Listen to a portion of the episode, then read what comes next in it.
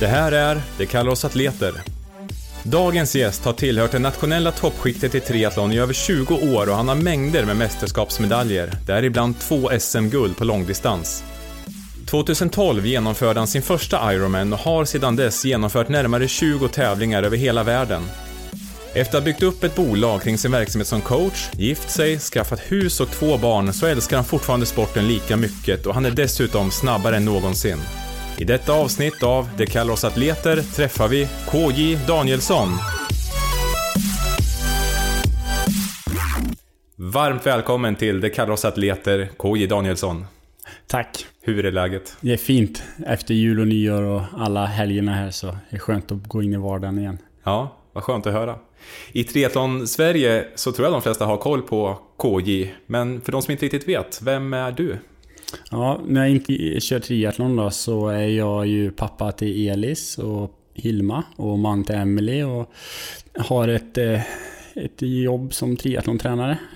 Bor i Hedemora och ja, har, det är mitt ekorrhjul, lite, lite roligare än många andra kanske, men får jobba med triathlon. Förutom din egen verksamhet i triathlon, du är ju själv aktiv som mm. professionell triatlet. Mm. Sen väldigt länge. Ja, jag gick upp för mig här för att det var en triathlon-kollega som poängterade att jag varit med väldigt länge och så började jag tänka tillbaka så att de flesta jag har tävlat med har ju slutat nu för ganska många år sedan och så är jag ju 35 nu och har tävlat ja, på internationell nivå i över 20 år nu så det har blivit lite, lite lopp och lite tävlingar. Ja, verkligen. Men vad innebär det att vara professionell triatlet?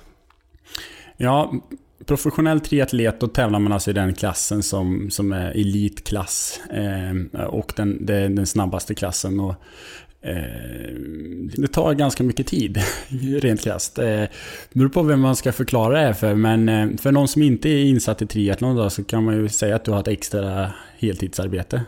Eh, I form av tid som det tar av att faktiskt konkurrera i den här klassen.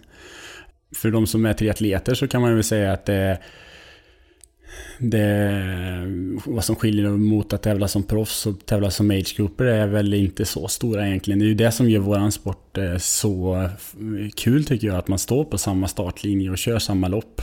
Eh, så, det är lite andra kvalregler för att ta sig till, till, eh, till VM och så, men annars är det väldigt lika. Och du tävlar ju specifikt inom Ironman-distansen. För triathlon kan ju utövas på, på olika sätt. Kan du, kan du berätta lite om vad, vad finns det inom triathlon? Ja, det är sant. Det jag förklarade nu var ju framförallt då Ironman triathlon. Sen har man ju den som vi kallar olympisk distans. Där det skiljer sig lite mer. Eh, olympisk distans i den eh, distansen som man ser på OS-programmet som Lisa Nordén bland annat eh, var väldigt framgångsrik i. Kom tvåa på OS i London. Och den som tidigare har varit eh, OS-distansen där är 1500 simning, Eh, fyra mil på cykeln och 10 km löpning. Eh, sen har vi i samma serie om man säger så finns det något som kallas sprint som är hälften av det som är 750 20 eh, och 5 km. Och det kommer väl bli det nya OS-programmet också. Sen har man en motionstriathlon också som är 400 simning och 2 mil cykel och 5 km löpning. Sen har man ju det som, som finns inom Ironman då som är en halv, halv Ironman, eller 70.3 som man kallar det. 1900 meter simning, 9 mil på cykeln och en halv, eh, halvmaraton, 21 km löpning. Och sen är fulldistansen då som är 3860 meter simning om man ska vara exakt. Ja, det är en udda distans. Ja, det är det. Och sen 18 mil på cykeln och, och 42 kilometer det är ju ett, en fullmaraton på slutet där. Sen finns det en hel rad av olika eh, egna distanser och så också. Som man kan köra i olika ja. lopp. Men du som har varit så länge i sporten, du måste ju ha hunnit prova på alla de här distanserna? Ja, jag har nog kört alla distanser. I alla fall alla, alla standarddistanser har jag kört. Eh, kört VM eh, och EM och så. så för, utom på seniornivå i, i kortdistans så har jag kört det på alla distanser. Men just nu är det Ironman som står i fokus. Ja. Sen hur länge då? Sen 2012. Då var första Ironman-tävlingen ja, för dig? I Kalmar. Och det har jag inte kört VM igen. Det, det, är väl mitt mål som jag har att göra. Ah, okay. Någon gång i livet hade det varit kul. Ja. Du har ju gjort just en Ironman-tävling ganska många gånger. Ja. Hur många gånger har det blivit? Ja, jag vet inte riktigt exakt, men jag tror det är 20 målgångar och sen några fler starter. Ja, för du tävlar ganska mycket. Ja, framförallt så gillar jag ju att mjölka träningen som man säger. Om jag har kört en tävling så vill jag gärna köra flera på samma uppbyggnad. För det är inte säkert att det går bra. Eh, om jag ändå har tränat liksom 20 veckor så kan jag varför bara tävla en gång på den här formen. Där vi kan ta tillvara på formen lite. Men det är ju en tävling som är oerhört slitsam. Att göra den här sanslösa distansen som du beskriver. Ja, ja det, det är ganska jobbigt. Det är, det är ju inte så att man kommer i, med guldben och fräscht huvud varje gång, men ja. Men du nämnde där, av alla de här 20 tävlingarna så har du inte eh, deltagit i VM. Nej. Och VM som går på Hawaii. Mm. Men det finns där som en målsättning. Ja, det vill jag. Det är liksom mitt Everest om man säger. Det dit vill jag försöka nå. Liksom Ja. så. Det hade varit Eh, vi nämnde ju Ironman Kalmar förut. Mm. Och det har ju vuxit och blivit lite grann av Sveriges triathlon-mecka. Eh, och du själv har kört i Kalmar, hur många gång- gånger då? Ja, eh, alla år som jag fått, det har varit alltså 2012, 2013, 14, 15, 17 och nu år 19. Alltså sex gånger har det blivit. Just det. Och när du har fått, säger du, vad, vad innebär det? Jo, sen eh, 2015 var det första året som de började dela på herr och damfältet. Så första året, 2015, så körde vi herrar och sen körde damerna i Köpenhamn det året. Och då pratar du bara om proffsen. Bara proffsen ja. Så att de har delat proffsfältet. Ja. Sen 16 så var det tvärtom. Att herrarna körde i Köpenhamn och damerna i Kalmar. Mm. Så senast det var nu, 2019. Då var det ett herr, herrår då om man säger för proffsen. Hur, hur var just 2019 för din del? Ja, det var eh, bra. Jag är väldigt ojämn i simningen. Så. Kommer egentligen från längdskidåkning och har inte simning i grunden. Men simmar väldigt mycket några år så att jag vet att jag är en relativt god simmare.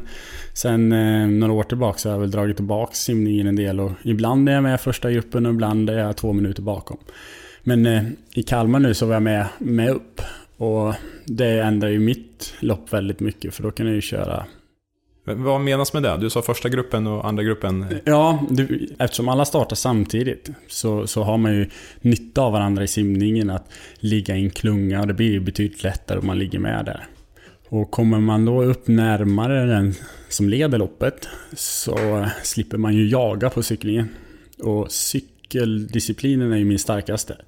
Och då ligger jag redan i rätt långt fram så att om jag då kan den energin jag lägger ner, den tar mig ju längre fram i loppet istället för att täppa en eventuell lucka framåt då. Okej, jag förstår. Så för min del så var det ju ett jättebra start på loppet och kom ganska tidigt upp i högt upp i loppet. Eh, och sen hade vi fantastiska förhållanden med Eftersom vi startade tidigt så hinner det inte blåsa upp så mycket och sen när vi började blåsa så fick vi medvind och så, så det gick ju väldigt fort faktiskt i år. Men cyklingen, det måste vi väl ändå säga att det gick fantastiskt bra.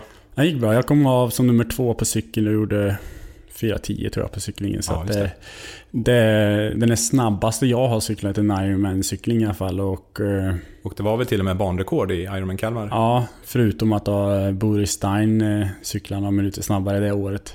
Okej. Så eh, det, hade, det hade varit banrekord alla andra år. Eh, nu så här i efterhand så skulle jag nog ha gått med Boris för jag tror att jag hade kunnat göra. Men eh, ja, jag, jag skulle backa mig själv och ge mig själv en bra löpning. Men jag fick en eh, ruptur som det heter i, i höften på löpningen efter 10 km. Så det spelar ingen roll om jag hade övercyklat jättemycket den dagen så hade jag ändå inte kunnat sprungit liksom eh, snabbt eller långsamt. Det hade nog blivit den farten ändå. Så nu i efterhand så ångrar jag lite att jag inte bara körde all in på cyklingen. Men, men berätta lite mer om, om löpningen. Du fick en ruptur, säger du. Ja, eh, sena då som ruptur är, kan man säga, det går sönder. Så, Och hur påverkade det avslutningen, det här, Eh, löpningen? Det, det vart eh, 32 km. Det först brann till i höften och sen gjorde det bara ont. Ehm, och så kunde jag liksom... Fick jag liksom tänka om hur jag rörde mig för att röra mig framåt. Då. Jag fick lägga över ansvaret på andra muskler och så, lite mer. Ja. Det påverkar väl farten då, framförallt. Men du får fortfarande en, en sluttid på 8 timmar och 10 minuter. Ja. Vilket är en av de snabbaste svenska tiderna någonsin genom tiderna. Jag är supernöjd med det. Jag vet inte om jag kommer få den chansen någon gång. Jag hänger, jag liksom har simmat 3860 meter simning, cyklat 18 mil och hänger in cykeln och ser att det inte ens gått 5 timmar än. Ja, det är helt fantastiskt. Ja, det, det är liksom dröm, drömupplägg liksom för att göra en snabb tid. Så då var jag ju ganska... Kändes det väldigt bra också. Jag går ut och springer, lägger första kilometern då på... Jag tänker jag håller igen och kilometern visar 3.45. Och tänkte, ja, det är, jag ska hålla 4 minuter och 15 sekunder per kilometer för jag har 3 timmar. Då gör jag under 8 timmar. Det är ett drömmål. Och för tider att jag tar in på Boris som leder. Jag bara, håll igen, det här känns bra. Eh, lite overkligt och sen som svensk i Kalmar också. Det är ju helt galet liksom att få, få det stödet som man får. Så att man, och sen så känner jag det liksom på väg tillbaks till Kalmar då att det här är inte bra. Eh, och, och om jag ska vara jag varit rätt orolig innan loppet att jag inte skulle komma till start för att det här är ju någonting jag haft som en kramp i höften. Och, och den här krampen, eh, det var som någon liksom trycker, smäller en sån här um, skumgummi, eller sån här ni vet som är om man köper eh, elektronik så är det med sån kuddar som man kan poppa med fingrarna. Ja, just det. Det var liksom hårt så och så bara... Aj, aj, aj. Ja, det låter och, otrevligt. och, då, och så sved det till och tänkte det här var inte så bra. Samtidigt så ser jag liksom på klockan. Tiden är, är bra. Så att mitt ego tog... Alltså jag ville göra eh, en tid under 8.20. För jag gjorde 8.21 på min första Ironman, sen har jag inte liksom gjort den tiden igen. Jag har varit nära men inte gjort det snabbare. Så tänkte jag nu är det väl dags att göra en lite snabbare tid. Så att jag, det var mitt ego som drog mig i mål så. Att jag ja, inte ville visa. Och sen har man väl fått höra det bak. Både av folk som sagt rakt till en och lite till så att man kanske har varit... Om det är dags att göra annat liksom. Och då var det kul att visa att man fortfarande blir bättre. Ja, verkligen. Mm. För det här var din snabbaste Ironman-tid någonsin? Ja, det är det. Eh, med 11 minuter. Ja. Var det ditt bästa lopp någonsin? Jag har nog aldrig varit så fysiskt förberedd och så stark. Men sen, det var nog mitt bästa lopp fram tills att jag liksom eh, får, får det här problemet då, om man säger. Eh, men det, som, det jag står rent fysiskt nu är väl aldrig varit så stark känner jag väl. Så. Du, du har ändå pratat om att du har en 20-årig triathlonkarriär bakom dig.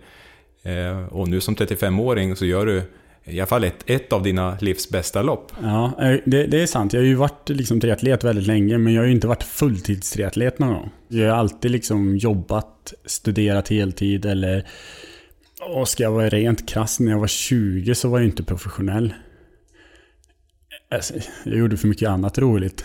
Eh, som jag gör att jag tycker att det är kul att det gör att jag kan vara jag, jag, jag är ingen burnout, så, alltså utbränd på idrotten. För jag tillät mig själv att åka på festivaler och eh, göra det här eh, ungdomliga som, som många kanske kände. Oh, ah, jag saknar och missar min ungdom.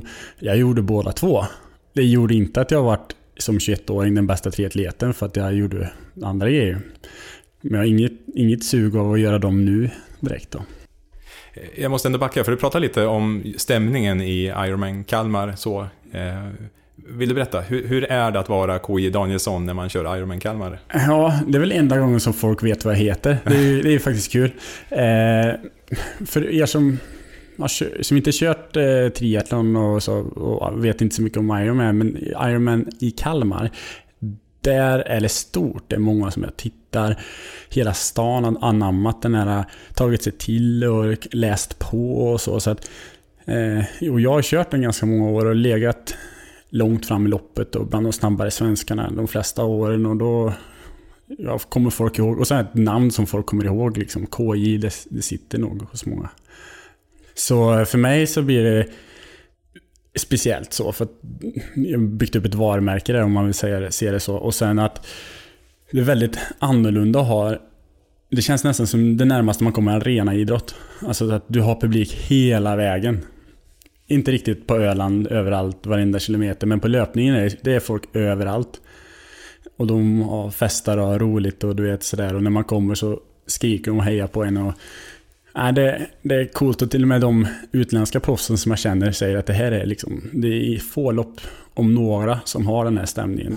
Ja, det är jättekul att höra. Det är ja. verkligen någonting för oss svenskar att vara stolta över att ha en tävling som Kalmar. Och du har ju tävlat runt om i, i hela världen verkligen och, och sett en del. Mm. Och vet ju vad du pratar om när du lyfter fram Kalmar på det här sättet. Ja, jag har, jag har kört tävlingar över hela, alla kontinenter i alla fall. Ja. Men hur blir det för dig då? Ökar pressen eh, när du tävlar på hemmaplan? Liksom det är Kalmar, det är Sverige, du är igenkänd, nu gäller det, nu måste jag prestera. Mm, det gör det nog, men jag gillar också den lite. Alltså, det är, det är ju någonting du har förtjänat i så fall. Sen så är jag nog ganska bra på att hantera den. Och det tror jag är mycket tack vare min familj. Att jag, jag är ju inte bara en idrottare. Jag står inte och faller med hur det går i loppet. De tycker om mig ändå. Jag står inte och faller på inkomsten som kommer från det. För att hade jag gjort det hade jag redan gått under ekonomiskt. Mm, man förlorar pengar på varje lopp man åker på. Eh, det är att vara professionell triatlet för övrigt. Eh, att förlora pengar? Ja, det är ju det är, på min nivå så. Jag, jag tävlar på högsta nivån men strax under dem som är de sitter på de stora kontrakten. Så att, ja, även om jag åker till Kalmar och kommer trea så, så kommer jag förlora pengar på det här loppet. Ja, ändå är det lite prispengar på ja, den nivån. Det var 30 000 tror jag och så ska det skattas i två länder och så. Så det, blir, ja. det, blir, det blir inte så mycket kvar i slutändan. Ehm, därav måste man ju ha någon form av sysselsättning vid sidan av. Men eh, för mig så, så eh, är det ju en livsstil som jag gillar och, och, när man kommer till Kalmar så får man verkligen bränsle på sin eld som man säger. Så att eh, det, jag upplever inte pressen som negativ utan mer som kul att man har förtjänat den då.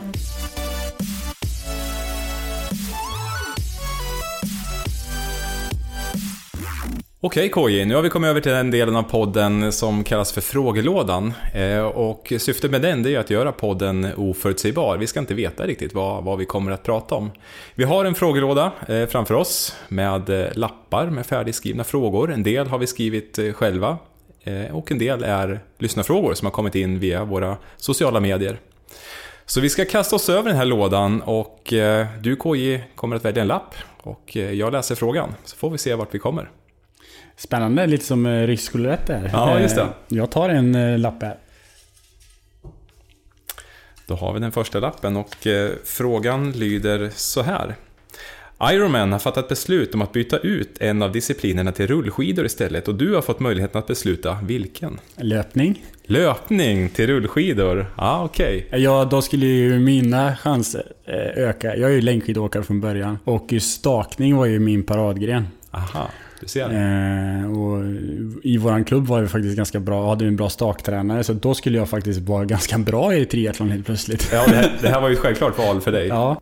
Ja, klockrent. Eh, enkelt svar. Vi tar en ny lapp. Mm. Och eh, då har vi en eh, lyssnarfråga som är inskickad från Klas. Han skriver så här. Om du fick tillbringa en hel dag med en person, vem som helst, död eller levande, vem väljer du då? Oj, den var svår. Eh, död eller levande som jag skulle... Eh, ja, jag skulle nog vilja som vuxen träffa min eh, morfar faktiskt. Det hade varit intressant att se. För han var jag mycket med när jag var barn och han var en, eh, ursäkta språket, men en hård jävel. Eh, men väldigt mjuk samtidigt och, och, och han älskade idrott. Eh, så det skulle vara kul att se vad han tyckte om det jag gjorde nu faktiskt. Det är mer, sen, sen hade man väl säkert så historiska personer så vet jag inte om jag hade... Men jag kan läsa om historieböcker, men det var roligare att träffa någon som man faktiskt känner något för. Ja, och det låter som din morfar var en inspirationskälla Ja, han var duktig på saker som inte jag är. Han var händig och grejer så här. Men framförallt är det väl han som gör att man är idrottare idag. Liksom så. Ja, men det du säger att han var en, en eh, hård jävel. Är det den mentaliteten som, som driver dig framåt? Nej, jag vet. Jag ser mig inte som en hård eh, person på det sättet. Men just det arbetsmoral då och plikttrogen och så. Det, det, det tror jag att jag är. Alltså jag är ganska hård mot mig själv på det sättet att jag har hög disciplin. Och han hade nog hög disciplin. Han, liksom kommer från ingenstans och kan liksom bygga upp hus och hem och familj och så. så eh, liksom, med bara händerna liksom. Det. Och, och, vad tror du morfar hade sagt då när han eh, eh fick se vad du ägnar dig åt idag? Jag tror att han, han hade nog uppmuntrat mig till att hålla på med idrott. För det tyckte han var nog... Det han läste i tidningen om man säger så. Det vi barnbarn gjorde. Ja, jag och mina kusiner där vi är från var ganska, är, är duktiga idrottare så om man säger så figurerar en del i lokalpressen. Så. Du, vi tar en ny lapp. Ja. Och den här frågan lyder, du har tilldelats Jerringpriset för årets bästa svenska idrottsprestation. Nu står du på scenen och ska hålla ditt tal. Hur låter det? Åh, oh, jag skulle nog vara ett bedrövligt svenskt år för det första. Men eh, jag skulle ju tacka alla, alltså framförallt då min familj här eh, med Emelie och mina barn som tillåter en att göra det här. Och, och sen måste man ju tacka alla som har hjälpt en. Tycker jag är viktigt att man visar uppskattning i alla fall till de som, som finns där. Eh, I form av mina föräldrar och Emelies föräldrar och, och sen eh, sponsorer och så som gör att man kan hålla på. Det finns så många som, som gör så mycket som aldrig får någon cred. Till exempel om det går bra för mig så, så får ju jag liksom likes och hej och hå om det inte för att jag är så stor på sociala medier men folk ger en beröm så men till exempel Emily som är jättebidragande får ingenting. Men de gör så mycket. De finns liksom bara där i bakgrunden. Och det kan jag tycka är lite så här. Jag måste ge dem det någon gång. Det är väl ett sånt tillfälle man får höja dem lite. Ja. Och jag förstår att de här människorna vid sidan om har, har stor betydelse, men går det på något sätt att säga hur, hur avgörande är de för dina framgångar? Ja, men jag skulle inte kunna tänka mig att behöva ta en strid för varje träningspass jag måste gå ut och göra. Eller liksom behöva förklara mig själv för, för, för det. Ehm, och, och sen kan man lägga energin då på att faktiskt göra det här bra och att man tillåts hålla på med den här hobbyn på så hög nivå, om man säger. Um, nu, nu är ju det väldigt positivt för mitt yrke att jag håller på så. så att, men eh, det, det, är jätteviktigt helt enkelt för, för utgången. Men du som har hållit på så länge och lever verkligen triathlon. Mm. Blir du aldrig trött på det här?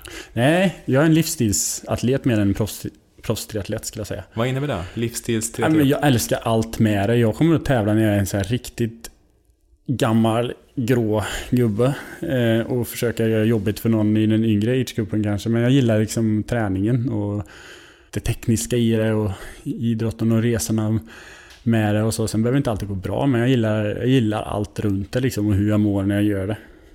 Det låter ju fantastiskt. Du, vi tar en, en ny fråga. Mm. Jag bara tar en. Den frågan lyder så här. Du får 10 minuters försprång någon gång under en Ironman-tävling. När lägger du in försprånget för att disponera det som bäst? En rent hypotetisk fråga. Alltså försprång som jag ligger före de andra. Ja, just det. Ja, men då vill jag ha det sista kilometern. Men om jag får en boost 10 minuter, om man vänder på frågan lite och tänker så här, Att jag får en som, om man trycker på en knapp som på tv-spel, att man typ bilen åker lite snabbare och ger mig 10 minuter så när man skulle liksom sätta mer tid på de andra, var skulle man lägga den då? Då hade det nog kanske också varit efter eh, 30 km på löpningen.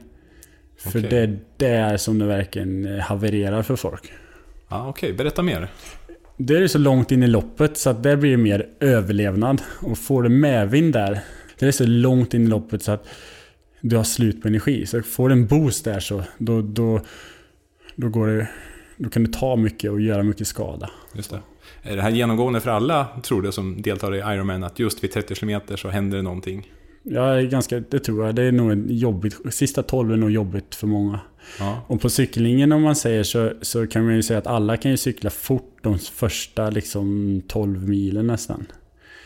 Och ska man hänga av någon som jag har försökt göra mycket och lärt mig den hårda vägen att det är jättesvårt att hänga av någon de första alla kan liksom cykla hårt i början. Men sen så krävs det så himla lite egentligen för att hänga av någon de sista sex milen. Så ju längre in i loppet eh, du väljer att liksom spara dina tändstickor till, ju större, större explosion blir det av dem.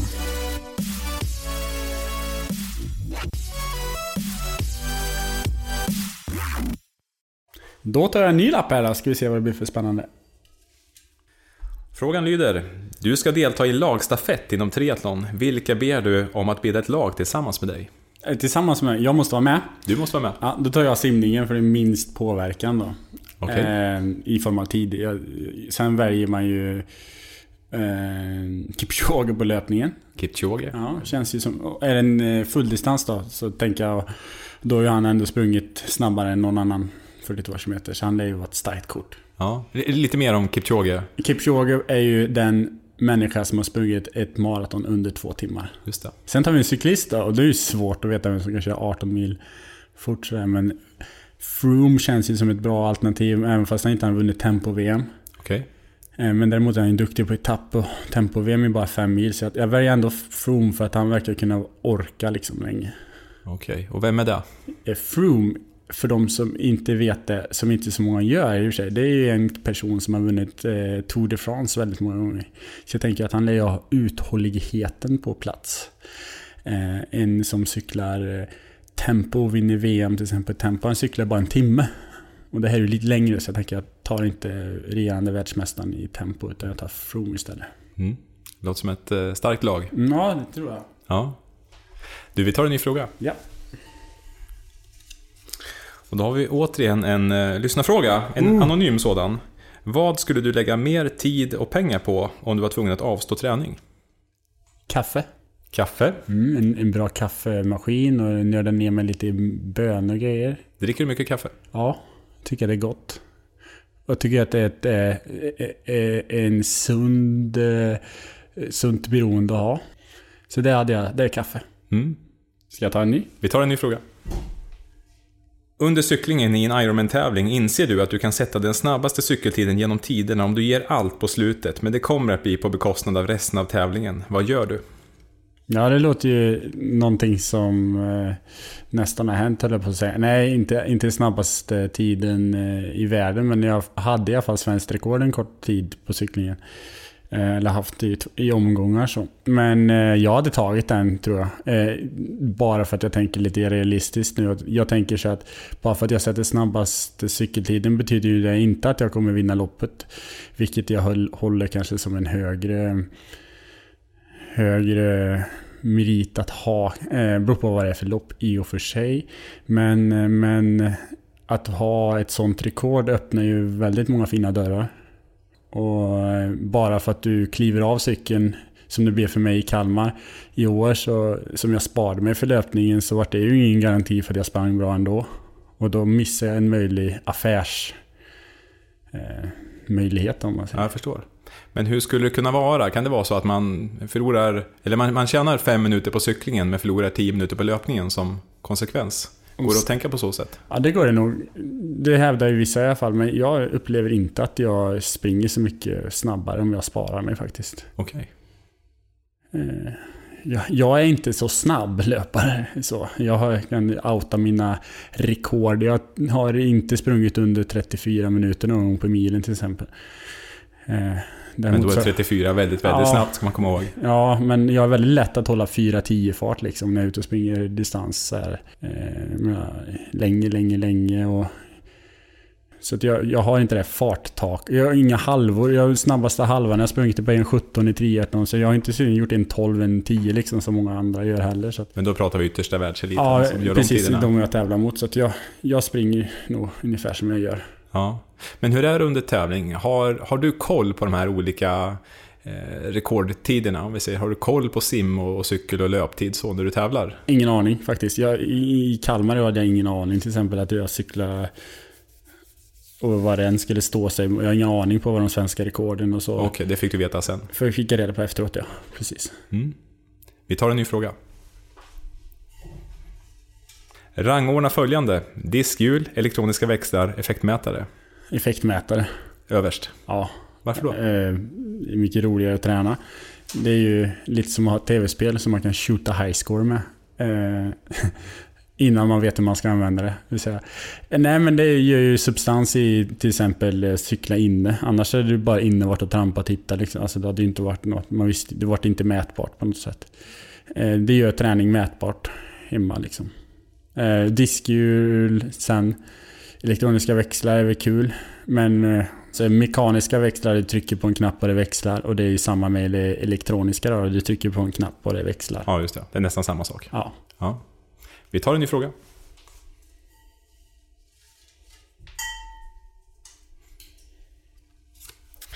Den låter så här. Du har fått möjligheten att utforma en helt egen tävling. Hur skulle den se ut och var skulle den genomföras? Ja, jag har ju varit tävlingsledare på en triathlon-tävling i Arvika förut som hade SM-status 2012. Okej. Och det var på olympisk distans. Jag skulle vilja ha en halv Ironman där. Eh, simningen på samma ställe i Kyrkviken där, eh, centralt. Och sen skulle vi cykla runt Glafsfjorden eh, som är rullande kuperat, jättefint. Jättefin cykelsträcka. Ehm, I riktigt skandinavisk natur. Eh, och sen eh, en, en halvmara, sen halv Ironman i Arvika skulle jag göra. Ja, det låter ju häftigt. Mm. Kan det här bli verklighet? Ja, det tror jag. Det skulle, man, det skulle vara nog inte jättesvårt att få till.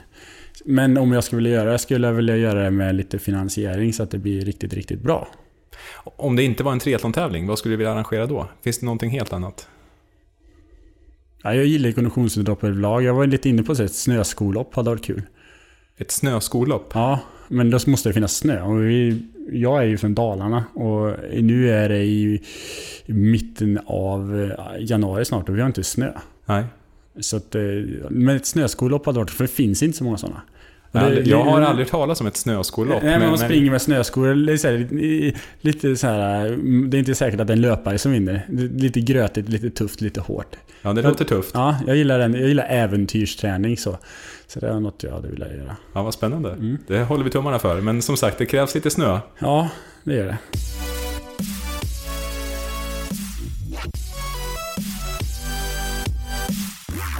Då har det blivit dags för lite tävling här i podden och vi har en, en utmaning som heter Sveriges snabbaste atlet. Hur är det KJ, är du en tävlingsmänniska? Ja, med nummerlapp. Med nummerlapp och det har du inte den här gången. Nej, men eh, jag ska göra mitt bästa i alla fall. Ja, det låter bra. Den här tävlingen är ju ett reaktionstest och eh, framför dig har du en eh, skärm. Mm. Och det är så att skärmen övergår till grönt så ska du reagera så snabbt som möjligt genom att trycka på skärmen. Mm. Du har tre försök på dig och vi kommer att eh, spara din eh, bästa tid. Mm. Känner du dig redo? Jajamän. Då kör vi igång. Då har vi första försöket. Där har vi 199 millisekunder. Mm. Ska trycka på skärmen igen? Ja, vi gör det. Vi kör en gång till. Och där, 199 en gång till. Exakt samma tid. Vi kör tredje och sista försöket. Och där, 179 millisekunder. Det var dagens snabbaste tid. Ja, Hur kändes det här? det var, det var spänt. Hur tror du att din tid kommer att stå sig i konkurrensen? Jag tror att det finns folk som är snabbare. Ja, vi får än, väl se. Än någon som håller på med Ironman faktiskt. Ja. Mm. Bra jobbat! Ja, tack.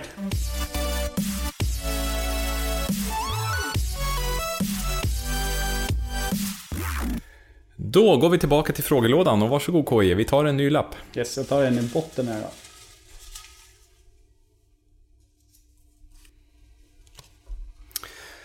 Rangordna följande utifrån vad som är värst. Tappa simglasögonen, våtdräkten spricker, punktering, skoskav eller diarré.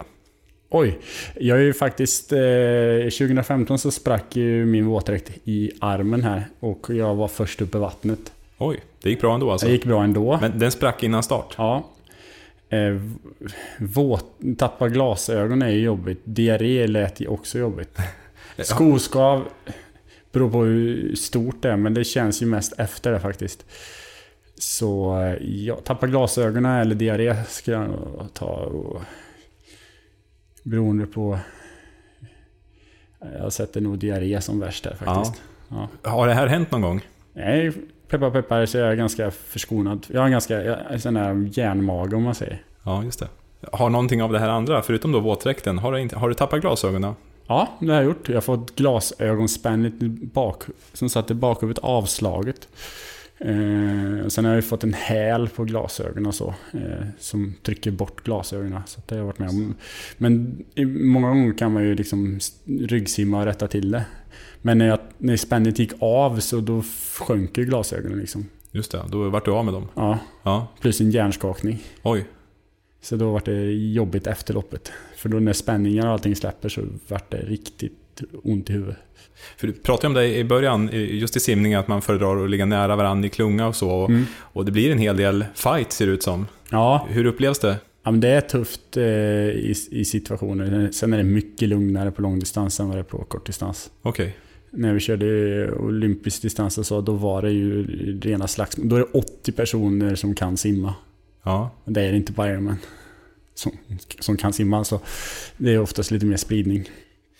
Bland de här hemskheterna på listan fanns ju punktering med. Ja, just det. Och det, det har hänt några gånger. Det har hänt jättemånga gånger.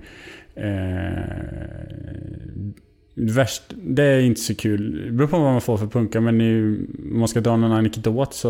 Jag har punkat väldigt många gånger faktiskt, men I Brasilien så punkar jag för någon hade slängt ut, slängt ut nubb. Och då byter jag slang och allting så. Det går ganska fort. Men jag såg ju inte att det satt ett nubb i däcket. Så jag slösade bort min extra slang och min kolsyrepatron.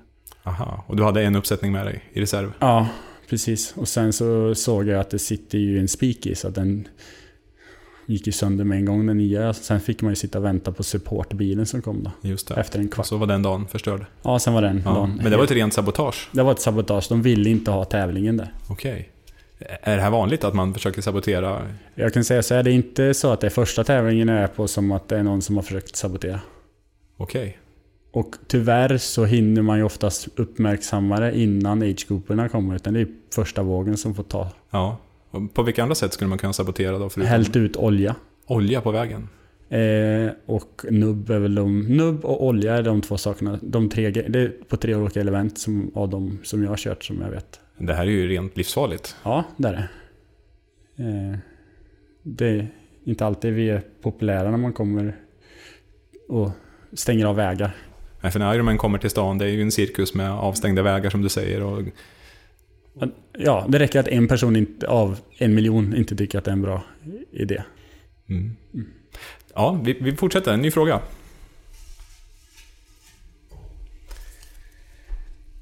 Om du hade mandat att göra en regeländring i Ironman, vilken regel skulle du ändra och hur? Oj, nu... Vilken skulle jag vilja ändra? Jag skulle Mm, säkert... nu har du chansen. Ja, och blir tagen lite på sängen så här. Nu är man ju inte van att man ska få vara med och liksom påverka någonting. Eh, det är väl ingen regel. Jag hade tagit större del av eh, vinsten på ett lopp och tryckt in som prispengar. Okej. Jag- Det är ingen regel egentligen, men det är något jag spontant skulle tycka. Ja, men kan du förklara lite? Prispengar, vil- vilka får de och vad handlar de Ja. för summor? Prispengar är ju då den professionella delen av triathlon, eller Ironman-klassen då, som, som, som har oftast topp 5 till topp 8 som får betalt. Resten får ingenting. Nej. Eh, och sen eh, är det då beroende på stortävlingen är så är det pe- pe- pengar som går ut då. Men till exempel som kan det vara allt ifrån 10 000 dollar till segraren och sen så faller det ganska mycket så att den som kommer femma får 1000 dollar. Eller åttan får 1000 dollar. Mm. Det är ganska stort. Hopp Och är det här lika fördelat mellan män och kvinnor? Ja, triathlon är extremt och Ironman är extremt jämlikt så. Ja. Så att eh, jag skulle nog vilja höja upp eh, prispengarna lite. Eh, för att jag menar, en, du gör inte så många Ironmans på ett år. Och om man tänker någon som ska ha det som profession så är det ju svårt att leva på 100 000 om man säger att man vinner ett lopp. Just det. Som det sen ska skattas på och så. Så att det blir kanske snarare 50 i slutändan. Ja. ja. Ny fråga. Du har bestämt dig för en tatuering. Hur ser den ut och var kommer den att sitta? Ja, jag vill ju faktiskt, jag skulle ju tatuera mig på högstadiet.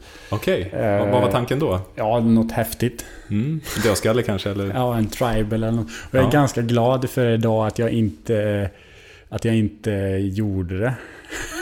för att jag är inte riktigt samma person idag som då. Eh, Men idag, vad hade jag gjort? Jag hade väl gjort något... ehm, jag vill ju inte ha en tatuering, eh, har jag kommit fram till. Så jag, jag vet inte vad jag hade gjort. Jag hade ju nog skrivit något styrkeord liksom.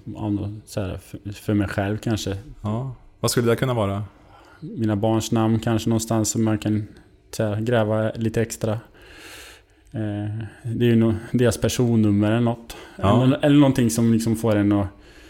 Liksom, Och vart skulle den sitta?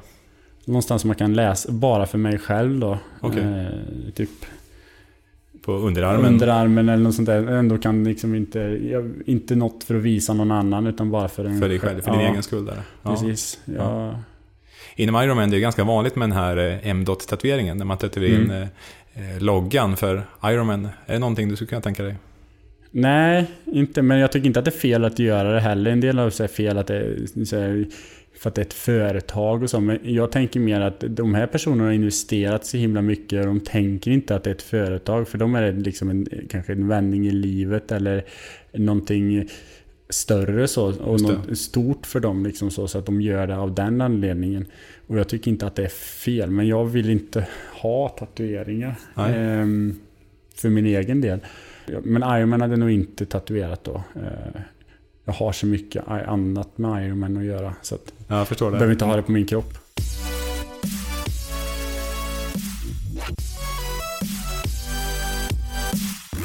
Och här kommer nästa fråga. Det är också en lyssnarfråga, en anonym sådan. Hur yttrar sig din skrockfullhet i samband med träning och tävling? Eh, obefintlig. du är inte skrockfull? Jag är inte skrockfull alls. Jag är ganska är ganska bra på, som man säger på engelska, wing it. Aha, okej. Okay. Så kommer en svart katt över gatan under löpturen, det är inte så att du vänder och springer hem utan? Nej, alltså jag har ju min värsta motståndare med mig jämt, det är ju jag själv, så att det spelar ingen roll liksom. Ah. Okay. Ja. Men, men, du har ingenting, inget speciellt för dig under tävling så? Några rutiner eller? Nej, alltså, nej inte som har sen, så, sen skrockfullt och tänka något ologiskt som man gör bara för att. Utan jag gör liksom ganska pragmatiskt enkelt eh, ja. saker så. Jag gillar kanelbullar och kaffe. Ja. Innan, det låter enkelt. Alltså så på dagarna innan och lite extra fika. Men det är bara för att jag vill ha lite unna mig själv lite lugn. Mm. Ja, ny fråga. Det är en regnig och grå måndagskväll och du ska ut och träna ett långpass. Vad gör du för att få upp motivationsnivån? En bra playlist eller en bra podd. Eh, lite koffein. Ja. Vad innehåller playlisten? Ja, jag, jag, jag är ju väldigt eh, bred musiksmak men om jag ska springa hårt. Alltså jag gillar hardcore och jag gillar punk. Det är väl det som jag kommer ifrån. Men sen gillar jag även lite hiphop och även lugn musik. Men det blir nog något åt det hårdare hållet för att hemma så poppar vi mycket Disney. Okay. Eh, och jag äger inte min egen playlist jämt för att barnen har den. Aha. Så det blir lite, man är lite and Hyde på det sättet att man har två personligheter. Och den där ena, jag brukar ska man säga det på ett så sätt. Men det bor ju en, liksom, en lite mer eh, grottmänniska i en som kommer fram med träning. Sen är man en mycket lugnare och finare människa hemma med barnen så. Men jag släpper ju lös den här garningen i träningskläder.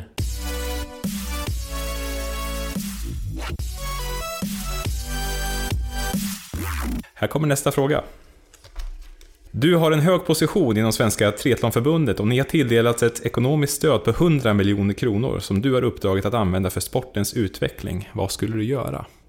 Ja, jag skulle göra lite det som kanske är på gång. Eh, göra, eh, ha eftergymnasiala utvecklingscentrum. Där man guidar unga, liksom ger dem några år med, hjälper dem att guida dem i att just bli elit och proffs eller göra det till en profession och ha lite support runt omkring det. Bygga upp hemmamiljöer för dem. Inte alltid åka på dyra läger och liksom så, utan liksom mer hur man får en livsstil som gör att man blir duktig i idrotten och har bara supportstruktur kring det. Var det här något som du saknar? För du gick triathlon-gymnasiet. Ja, men jag gick ju också på triathlonhögskolan sen och det fungerade ganska bra då. Jag vet inte riktigt vad det är som har hänt riktigt så. Det är inte riktigt samma nu som då. Men triathlon-gymnasiet och sen en, någonting som fångar upp efter gymnasiet tror jag är mm. viktigt. Mm, så att man får ja. fortsätta hålla på. Ja. 100 miljoner, det är en tjock plånbok. Skulle du kunna hitta på något annat? Ja, men framförallt handlar det om att behålla den kompetensen som man har utbildat. Alltså inte de försvinner ut i eh, annat, annan affärsliv och sånt. För eh, mycket av det vi tappar talanger och så på tror jag eh, i idrott överlag det är att det är svårt att göra det till en hållbar inkomstkälla. Kan man säga att man kan bygga en karriär kring idrotten då kan man också investera 100% på det. Men när det blir liksom på hobbynivå att du kanske lever på CSN och sen när du har utbildat dig så vill ha en livssituation och, och eh, alltså, det kräver lite pengar för att ha en, en dräglig vardag som 35-åring och barn liksom. Då kan du inte leva på 8000 i månaden. Mm. Utan kan man se att det här är faktiskt ett, ett, ett hållbart yrke så kommer nog fler verkligen försöka göra det till karriär också. Du, ehm, vi har också en, en del av den här podden där du själv ska få ställa en fråga till våra framtida gäster. Intressant. Ja, mm. hur skulle den frågan kunna låta om du fick chansen då att fråga eh, en, en, framtida gäst? Ja, då ställer jag frågan som lyder så här, om det är så att eh, det är en person som då antagligen har lyckats i sin idrott. Så tänker jag så här, är det på grund av att det är så att du tycker om aktiviteten, alltså träna, och det sen tur har fött framgång? Eller är det omvända, är det idrotten som har hittat dig för att du är duktig på det och där ser du att du kan bygga en karriär kring det. Vilken av de två tror du att du är? Just det, det handlar om drivkraft egentligen. Ja, Ja, vad intressant. vissa personer har ju då en tendens att liksom vara talangfulla och se att det här kan jag bygga en karriär av. Man kanske möjligtvis inte tycker att det är det roligaste, men någon tycker att det är så roligt som man blir bra av det. Liksom. Ja. Så drivkraft är väldigt bra. Ja. Vad, vad skulle du själv svara på den frågan? Eh, Jag tycker nog att det är kul. Jag är en livsstilsatlet som sagt. Okej, det är bara det som driver dig framåt? Ja, t- sen har jag väl lite gener också, men Ja. in, inte inga extra, extra på det. Men i ditt fall, då har karriären kommit på köpet, så kan man säga. Ja, Ja. Så det ena hade lett till det andra. ja Mm. skulle jag säga. Vi har fem snabba frågor. Åh, Mm. Där eh, du får välja antingen det ena eh, eller det andra utan vidare eh, Mm. utveckling. ni, ställer två, ni ställer två och jag väljer ett av dem. Precis. Ja, bra. Ja, känner du dig redo? Ja, Vatten eller sportdryck? sportdryck. Motvind eller regn? Eh, motvind. Snygg eller snabb? Snabb. Diarré eller kramp? Kramp.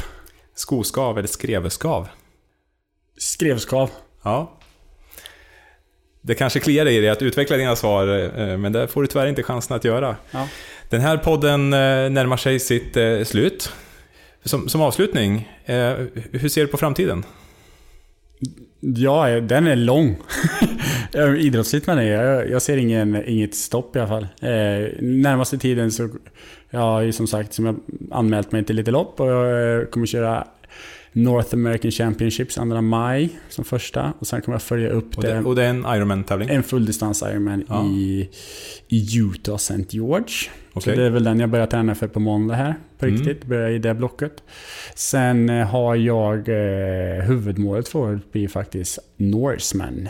Aha, okej. Så Och- min och- första riktiga sån här obrandade tävling. Ja, just det. Och vad är Norseman? Vill du berätta? Det är en i- VM extrem triathlon är det, som går i Norge. Så du cyklar över Hardangervidda och eh, springer i mål på Gaustatoppen i Norge. Okej. Så det är rejält kuperat. Ja, det låter det som. Mm. Vad fick dig att eh, välja det här loppet? Är det så att man kan välja fritt, eller hur Nej, du måste eh, antingen ansöka om lotteri kan man väl säga. Eller skicka in en ansökan eller ja, bli inbjuden om man säger. Okej. Och jag tävlar i, i VM-klassen där så där eh, måste man ja, vara tillräckligt snabb om man säger för att få... Det är någon slags kvalgräns Ja, då? Eller? ja, ja. så jag, jag fick i alla fall möjligheten att köra och då ville jag det. Okej. Testa i år. Eh, Det är inte Kalmar i år så att... För, för det här är inte ett Ironman-lopp, men det är en Ironman-distans. Mm. Och även VM då som de kallar det på. Med, det har blivit populärt med extrema triathlon. Det är liksom... Och, och vad handlar det om? Alltså extrema triathlon då? Alltså, om man, Ironman ju, det är en lång distans och så, men det är också ganska så här, standardiserat och alla ska i mål. Eh, men eh, liksom det ska vara ganska, på ett sätt, eh, långa... Många ska kunna klara det ändå. Här tänker de inte att många ska kunna klara det. Kan det vara tvärtom till och med? Ja, till och med liksom sloganen 'This is not for you' Ja. och sen så följer lite text på det. Okej. Så det, det ska inte vara för alla och det är bara 220 som får komma in och så har de här inbjudande så är det väl drygt 250 stycken som startar totalt. Ja. Va, vad tror du om dina chanser i det här loppet? Ja, det vet man ju inte. Jag vet inte vilka de andra är, men om man ser rent krasst så tror jag mina styrkor förstärks i det här loppet. För det är det här jag är bra på, skulle jag säga. Lite kallt, ensamt, hårt. Så. Ja. Ja, vad spännande. Ja, det ska bli spännande, tycker Ja. jag också. Ja. Kanske blir varse om att det är precis tvärtom. Men jag intalar mig själv nu att det, det här är något, något som jag tror att jag är ganska bra på.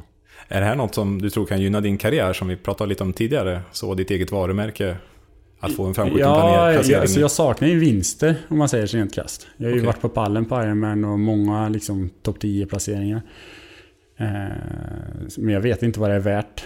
Kanske du vet bättre. Liksom, personligen så drivs jag kanske mer av ett Ironman-kval än att vinna Norseman. Men eh, vad gemene man tycker, det vet jag inte. Okej. Men, och, och det är fortfarande målsättningen som vi pratade om tidigare, att kvala till Hawaii. Ja, Är det så att eh, det är målsättningen för den här första Ironman-tävlingen i, i USA? Ja, skulle jag kvala så skulle jag ju ta platsen om man säger så. Men sen så tror jag att det är ganska svårt att kvala. Men ja, någon gång inom de närmsta åren skulle jag vilja försöka. Eller jag försöker varje år kvala. Just det. Men, eh, men eh, om jag kan vara, bli vägd och mätt och, och klara mallen också.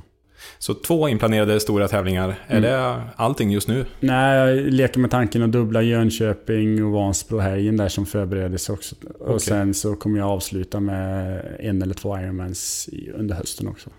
Men Okej. de är inte spikade. Fortsatt eh, fullspäckat schema låter det som. Och, Ja, jag mår ganska bra av att tävla mycket. Eh, Ja. Bryter upp den monotoma träningen lite. Och när du säger Jönköping, då tänker du på Ironman eh, 70 70.3, den Ja. hal- halva distansen ja. Precis, och sen SM i Vansbro på halva. Men ja. som går Och det blir in. nästan, nästan hemmaplan för dig. Ja, veckan innan. Just det.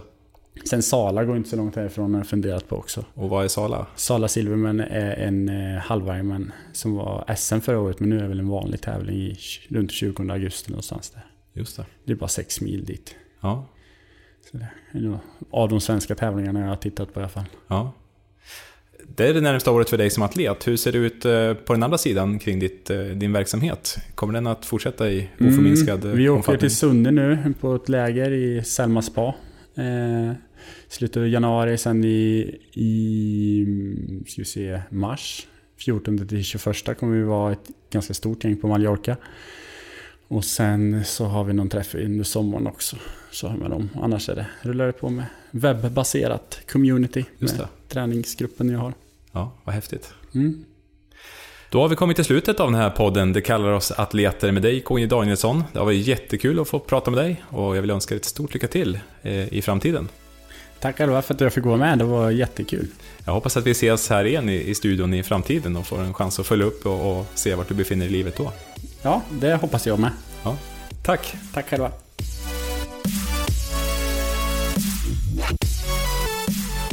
Tack för att du lyssnade.